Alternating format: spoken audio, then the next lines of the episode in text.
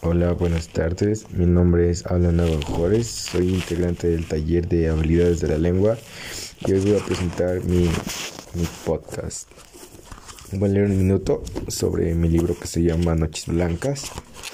Así que era Nochebuena. Para ser más exactos, era la tarde previa a la Nochebuena. Pero antes de ir al auténtico medio de la cuestión, quiero aclarar algo. Sé por experiencia que, si aflora más adelante, es algo los distraerá tanto que no podrán concentrarse en nada de lo que cuente. Me llamo Jubilé Dougal. Tomen un momento para asimilarlo. Verán, cuando lo digo desde el principio, no parece tan terrible.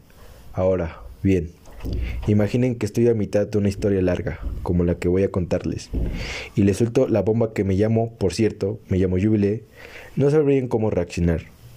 Soy consciente de que Jubilé es nombre de la bailarina de striptease. Seguramente piensen que habré sentido la llamada del rubo, pero no. Si me vieran, entenderían enseguida que no soy.